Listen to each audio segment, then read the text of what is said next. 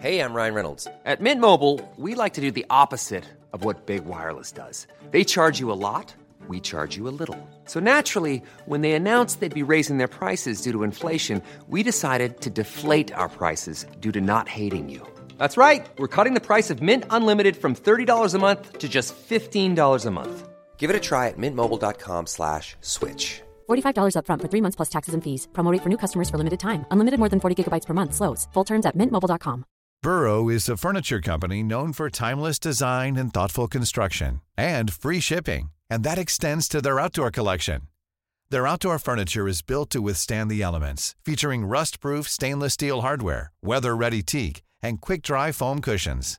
For Memorial Day, get 15% off your Burrow purchase at burrow.com slash ACAST and up to 25% off outdoor. That's up to 25% off outdoor furniture at burrow.com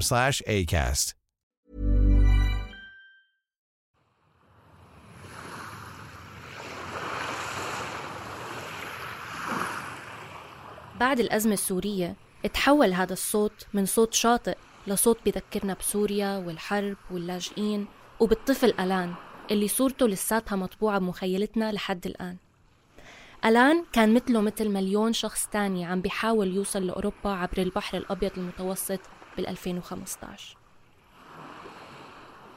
وجد ألان على شاطئ بتركيا لكن صورته اتنقلت ما بين القارات. وحملناها كلنا على موبايلاتنا وخبيناها بجيوبنا. يمكن نسبة لكتير منا خلصت القصة بنشر الصورة على صفحاتنا على الفيسبوك. بس نسبة لرجل الأعمال نجيب ساويرس الموضوع أخذ بعد تاني. بهديك الفترة أعلن الملياردير المصري خطته بشراء جزيرة من اليونان أو من إيطاليا بهدف إنشاء دولة مؤقتة للاجئين السوريين. وكتب على تويتر بأنه رح يسمي الجزيرة ألان. الفكرة أثارت مخيلة الناس اللي بلشوا يتساءلوا إذا رح تكون هاي الدولة مثل الدول الفاشلة اللي عم بيهربوا منها اللاجئين. ساويرس أكد لهدول المشككين بأنه على الأقل ما رح يكون في لا داعش ولا الأسد. وطبعا كان في أشخاص مش مقتنعين بالفكرة من الأساس وطلبوا من ساويرس أنه يركز على مآسي مصر قبل ما يصدر تعاطف لبلاد تانية. بعد بكم سنة من اقتراح هالفكرة أعلن ساويرس أنه اليونان رفضت تبيعه الجزيرة اللي كان ناوي يشتريها. ولكن يبدو أنه حلمه لا يزال قائم علشان رجع جدد الدعوة بال 2019 هالقصة بتخليني أطرح أسئلة كتيرة عن معنى اللجوء والانتماء وعن عالم معتمد على إحسان أصحاب رؤوس الأموال. شو يعني إنه يصيروا اللاجئين تحت رحمة حكومات قمعية وحيتان السوق؟ وهل لازم نختار ما بين داعش والأسد وساويرس؟ ولا في خيارات أخرى؟ وهل منكون منافقين لو تعاطفنا مع ناس عايشين خارج بلدنا أكثر من الناس الموجودين بداخلها؟ إضافة لكل هالتساؤلات بتذكرني هالقصة بثلاث أشخاص قابلتهم خلال عملي على الحلقة الخامسة من بودكاست خرائط اللامكان قبل ثلاث سنين مثل ساويرس هالأشخاص كان عندهم أفكار غير تقليدية وبما إنه اليوم هو اليوم العالمي للقضاء على التمييز العنصري حابين نرجع نشارك معكم هاي الحلقة يلي بتطرح نماذج مختلفة لمجابهة العنصرية. وبنفس الوقت تتساءل إن كانت الدول الحديثة اللي تعودنا عليها هي مصدر أساسي لهاي العنصرية. نترككم مع الحلقة الخامسة من بودكاست خرائط اللامكان لحتى تسمعوا صوت من يوتوبيا.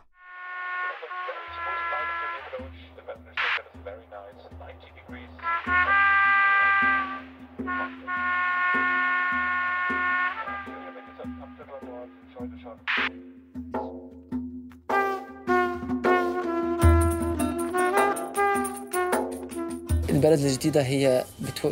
مثال بتوري الناس إنه ممكن نعيش حياة أفضل. ممكن يكون فيها حل للمعاناة اللي بيعانيها اللاجئين والناس بدون جنسية. ولنا في الخيال حياة. مقولة بحبها كتير. لأني محترفة في الهروب من الواقع وبقضي معظم وقتي في عالم افتراضي. ولو كان مجرد فكرة مثالية لعالم الكليشيهات الخالي من الحروب والفقر والمليء بالسعادة والبساطة والأمان.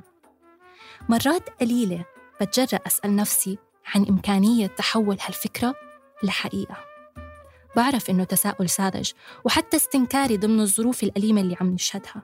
بس بعرف كمان إني مش الوحيدة اللي بتقرب من عالمي الموازي كل ما العالم الواقعي بيخذلني. محمد سوزن وفيت. اللي رح نسمع قصصهم اليوم مصممين على خلق واقع بديل بيقربهم من مدينتهم الفاضلة اللي بيحلموا فيها. كيف؟ عن طريق بناء دول جديدة. معكم تالا العيسى من برنامج خرائط اللامكان اللي بتناول قضية فاقدي الجنسية في العالم العربي. حلقتنا اليوم مختلفة ورح تمتد خارج حدود الوطن العربي. رح نحاول نفهم كيف بناء دول جديدة ممكن يساعد فاقدي الجنسية. وبنفس الوقت رح نناقش أهداف وتطلعات هاي الدول. خليكم معنا لتسمعوا صوت من يوتوبيا.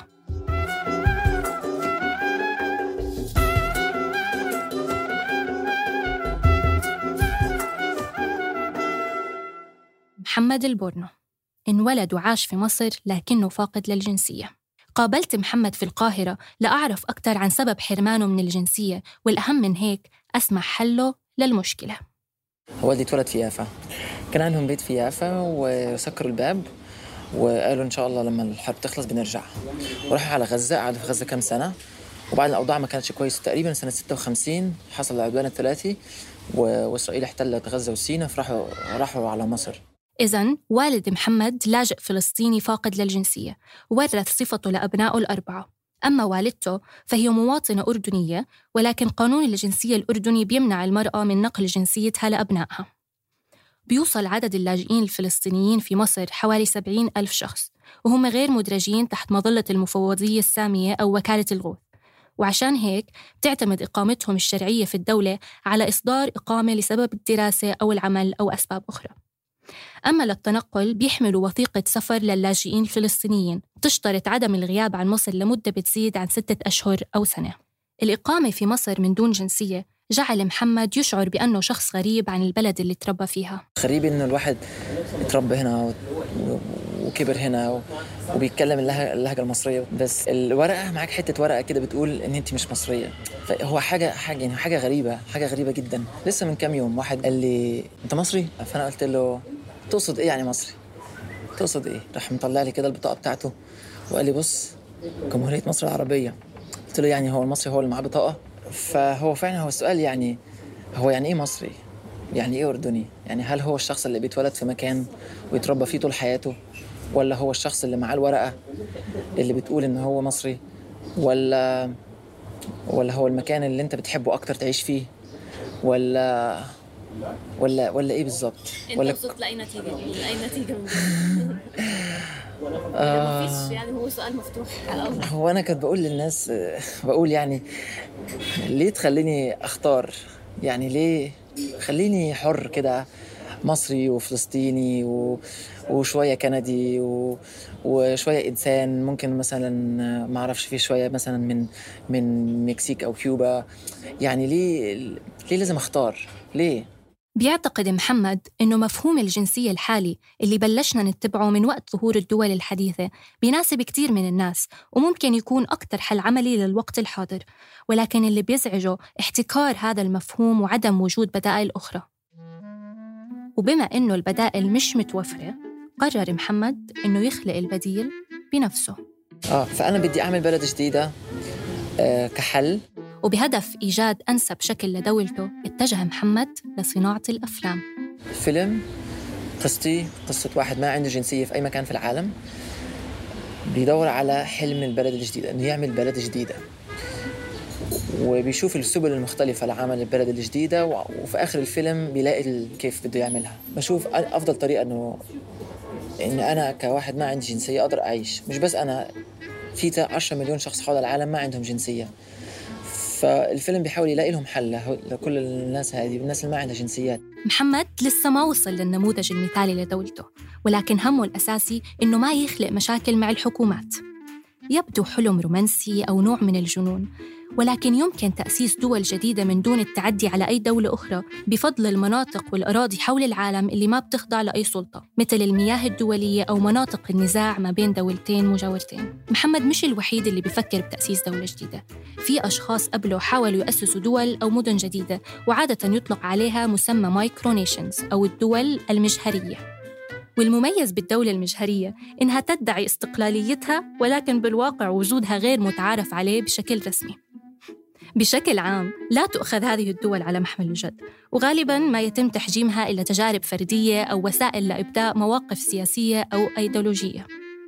أسئلتي لمحمد كانت كثيرة ولكن السؤال اللي ضل عالق بذهني من أول ما عرفت عن مشروعه هو ليش ما حاول يصلح الواقع بدل ما يعيد إنتاج واقع مختلف؟ هو في جمال وقدسية لأنه للبدايات الجديدة إنه إن إحنا من بنفكر من أول وجديد بدون تق... بدون تقييد بال... بالأنظمة الموجودة.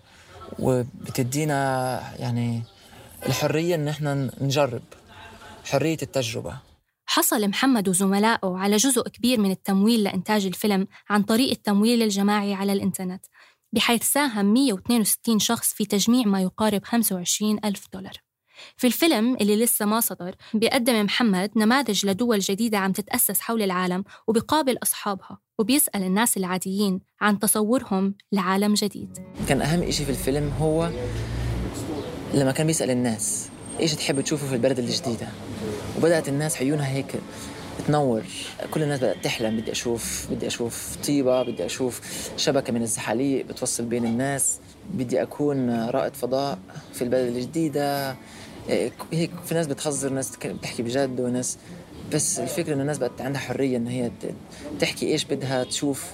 وكأنه وكأنه الناس شايفين حرية بياخدوها في هذه البلد الافتراضية أكثر من يمكن من الواقع اللي هم عايشين فيه. من هون ننتقل لسوزان تاركوسكي تمبلهوف اللي مثل محمد بتعتقد أنه لابد من إيجاد بديل بتيح الفرصة للمواطنين أنه يختاروا الدولة أو الدول اللي بتناسبهم بدل ما نترك الدولة هي اللي تختار مواطنيها. وصلت سوزان لنموذج قد يكون إحدى الوسائل لتحقيق هدفها. Bitnation الدولة الرقمية.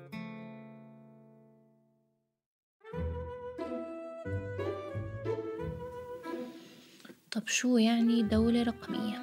الله يخلي لنا إياك يا Google. Bitnation. Bitnation عبارة عن دولة رقمية تأسست عام 2014 توفر الدولة خدمات قانونية مثل إصدار الوثائق كعقود الزواج وشهادات الميلاد وتوثيقها ومن ثم تخزينها على البلوك تشين. والبلوك تشين هي التقنية الأكثر أمانا على الإنترنت. توفر الدولة خدمات أخرى مثل التأمين والأمن الرقمي وحتى إصدار بطاقة هوية. مثلكم اعتبرت سوزن إنسانة غير متزنة وبحاجة لعناية حثيثة لإعادة ارتباطها بالواقع. وقررت إنه ما في داعي أعرض تفاصيل مشروعها لأنه وهمي مش مهم ومستفز بتبسيطه للأمور. ولكن الفضول سيطر علي.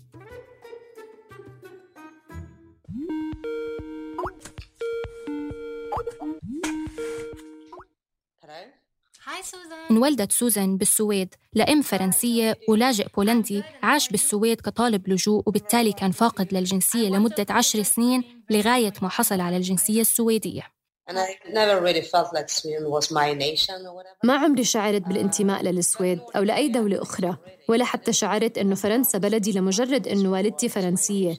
ليش لازم نخلي المكان اللي منولد فيه خارج عن إرادتنا يحدد مجرى حياتنا؟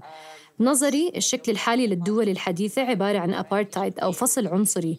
المفروض أنه نقدر نعيش في الدول بناء على قناعاتنا مش بناء على الدين أو العرق أو لون البشرة.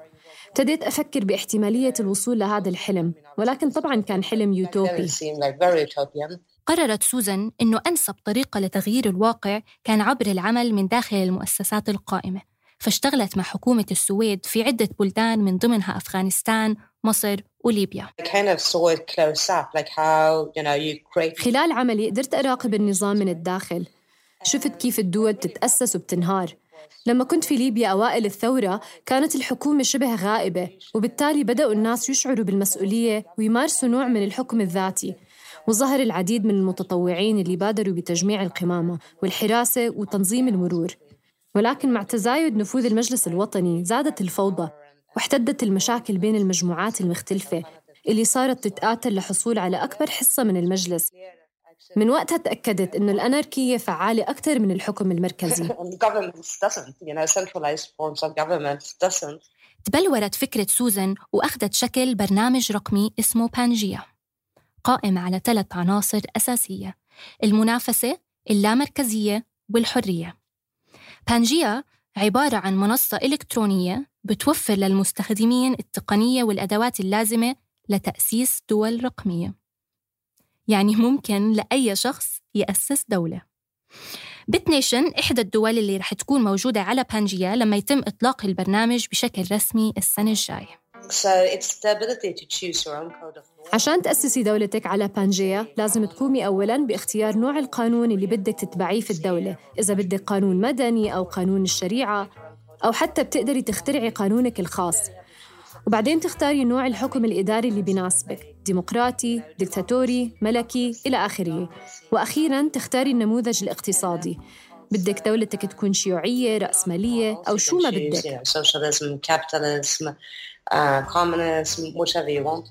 أما نسبة لقطاع الخدمات بتقوم كل دولة إما بتوفير خدمات رقمية للمواطنين أو خدمات ملموسة عن طريق التعاقد مع مؤسسات فعلية متواجدة على الأرض. وبالتالي ممكن تكون الدولة إلكترونية وفعلية بنفس الوقت. والمواطن حر يختار الدولة اللي بده إياها وممكن يتبع لأكثر من دولة.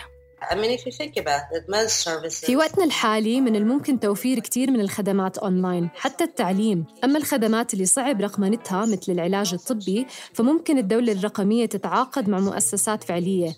بهاي الحالة مستشفيات لتوفير الخدمة لمواطنيها على سبيل المثال تعاقدت Bitnation كدولة رقمية مع مؤسسة أكسوسفير التعليمية بحيث يتم منح خصم خاص لمواطني Bitnation اللي حابين يتلقوا التعليم من المؤسسة. بتعتبر سوزن إنه هاي الطريقة الأنسب لإلغاء الاحتكار الموجود في النظام الحالي واللي بيفرض على الملايين من الأشخاص المتواجدين ضمن مساحة جغرافية واحدة نوع واحد فقط من الحكم. نسبة لسوزن منافسة الدول فيما يشبه السوق المفتوح بيوفر مساحات متعددة تتسع لجميع أنواع الحكم وبالتالي تضمن الحرية الفردية وبتحد من تقاعس المؤسسات الحكومية. إذا عن طريق بانجيا ممكن أسير مواطنة بإستونيا على سبيل المثال من دون عناء الهجرة والغربة أو تعلم اللغة. وبالفعل إستونيا أول دولة بدأت بإصدار إقامة رقمية بتتيح الفرصة لأي شخص في العالم إنه يقدم عليها لاستخدام خدمات الدولة المصرفية وخدمة تسجيل الشركات عن بعد. بغض النظر عن نوايا الدولة أو سلبيات الخدمة توفير إقامة رقمية رسمية بهذا الشكل دليل على تغيير مفهوم الدول وتدخل التكنولوجيا في تكوينها. بالطبع بتنيشن غير معترف فيها دوليا إلا من قبل إستونيا. ولكن تعتقد سوزن أنه الشرعية غير مهمة في عالمنا الإلكتروني طالما المرسل والمتلقي متفقين على البنود الأساسية. اعتراف الدول لا يعنيني وما بعتقد أنه مهم. فعلى سبيل المثال بالرغم من أنه البيتكوين العملة الرقمية اللامركزية غير معترف فيها دوليا ولكنها ناجحة وإلها أتباع كثيرة. إذا سوزان ما عم بتحاول تأسس دولة واحدة فقط ولكنها عم بتأسس نظام متكامل بيشمل دول عديدة بناسب الأشخاص المختلفة. أما فيت جدليكا آخر شخص رح نسمع قصته اليوم فطموحه متواضعة وأقرب لواقعنا. هدفه إضافة دولة واحدة فعلية على خريطة العالم. ب 13 نيسان 2015 نصب فيت علم على الأرض الواقعة بين صربيا وكرواتيا وأعلن تأسيس جمهورية ليبرلاند وعين حاله الرئيس. الموضوع سهل. بلشنا نبحث عن الأراضي الغير خاضعة لأي سلطة. وكانت أنصب أرض هي اللي لقيناها بأوروبا الواقعة على نهر الدانوب.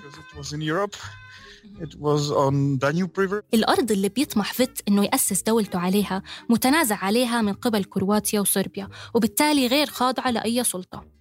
وبالرغم من أنه كرواتيا لا تدعي امتلاك الأرض إلا أنها حالياً عم تمنع دخول أي شخص عليها ولكن فيت بيعتبر أنها مسألة وقت لحد ما تنحل المشاكل مع كرواتيا وبالتالي ما زال قائم على التخطيط للمشروع. فيت مش رافض كل صفات الأنظمة الموجودة حالياً ولكنه عم بيحاول ينتقي صفات موجودة في أنظمة مختلفة ويجمعها ضمن نظام واحد متكامل. بشكل عام إحدى أهداف فيت الأساسية إنه يخلق دولة ما بتتحكم بالاقتصاد ودفع الضرائب فيها اختياري. مش عم نحاول نخلق إشي مختلف تماما عن الموجود. بشكل عام رح يكون شكل الحكم في ليبرلاند ديمقراطي قريب على حكم الولايات المتحدة. ولكن رح نضيف بعض العناصر من الديمقراطية السويسرية. أما دور الحكومة فرح يكون محدود جدا ومحصور ضمن ثلاث مسؤوليات فقط لا غير إدارة الأمن والقضاء والدبلوماسية. للحصول على الجنسية الليبرلندية يجب عليك كطالب التجنس احترام الآخر واحترام الممتلكات الخاصة والمساهمة في تطوير ليبرلاند إما مالياً أو عن طريق تقديم خدمات مهنية. فمثلا تم منح الجنسية لمحاميين مهندسين ومصممين ساهموا في تنمية الفكرة. وطبعا متوقع مني إني أطبق شعار الدولة.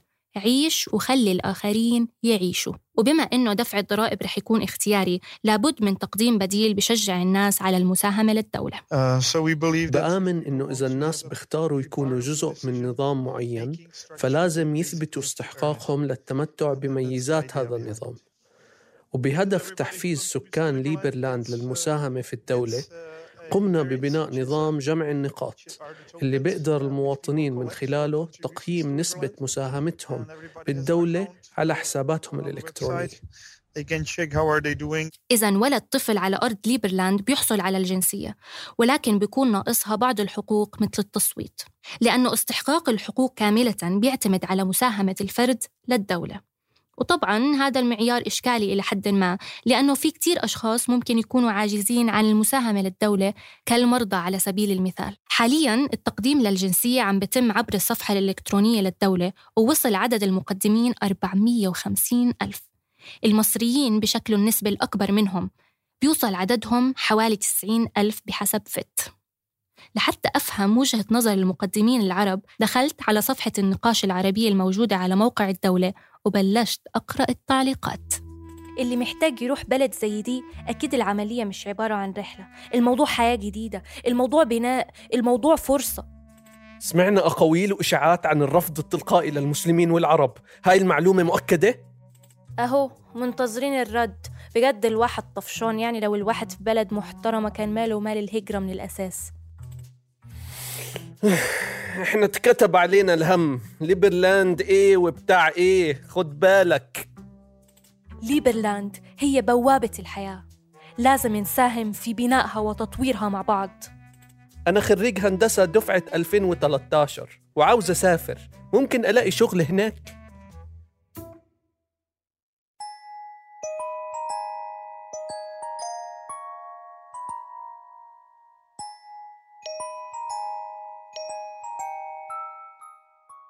محمد وسوزان أوفيت. ممكن يكونوا أشخاص غير واقعيين وممكن تكون مشاريعهم مجرد أفكار أو أوهام مش أكتر. كل هاد مش مهم. المهم إنهم يتجرأوا يتخيلوا عالم أفضل. هل رح نقدر نوصل ليوتوبيا؟ إذا منعود للجذور اليونانية لكلمة يوتوبيا منلاقي إنها حرفياً بتعني اللامكان. دلالة على عدم إمكانية الوصول إلى العالم المثالي.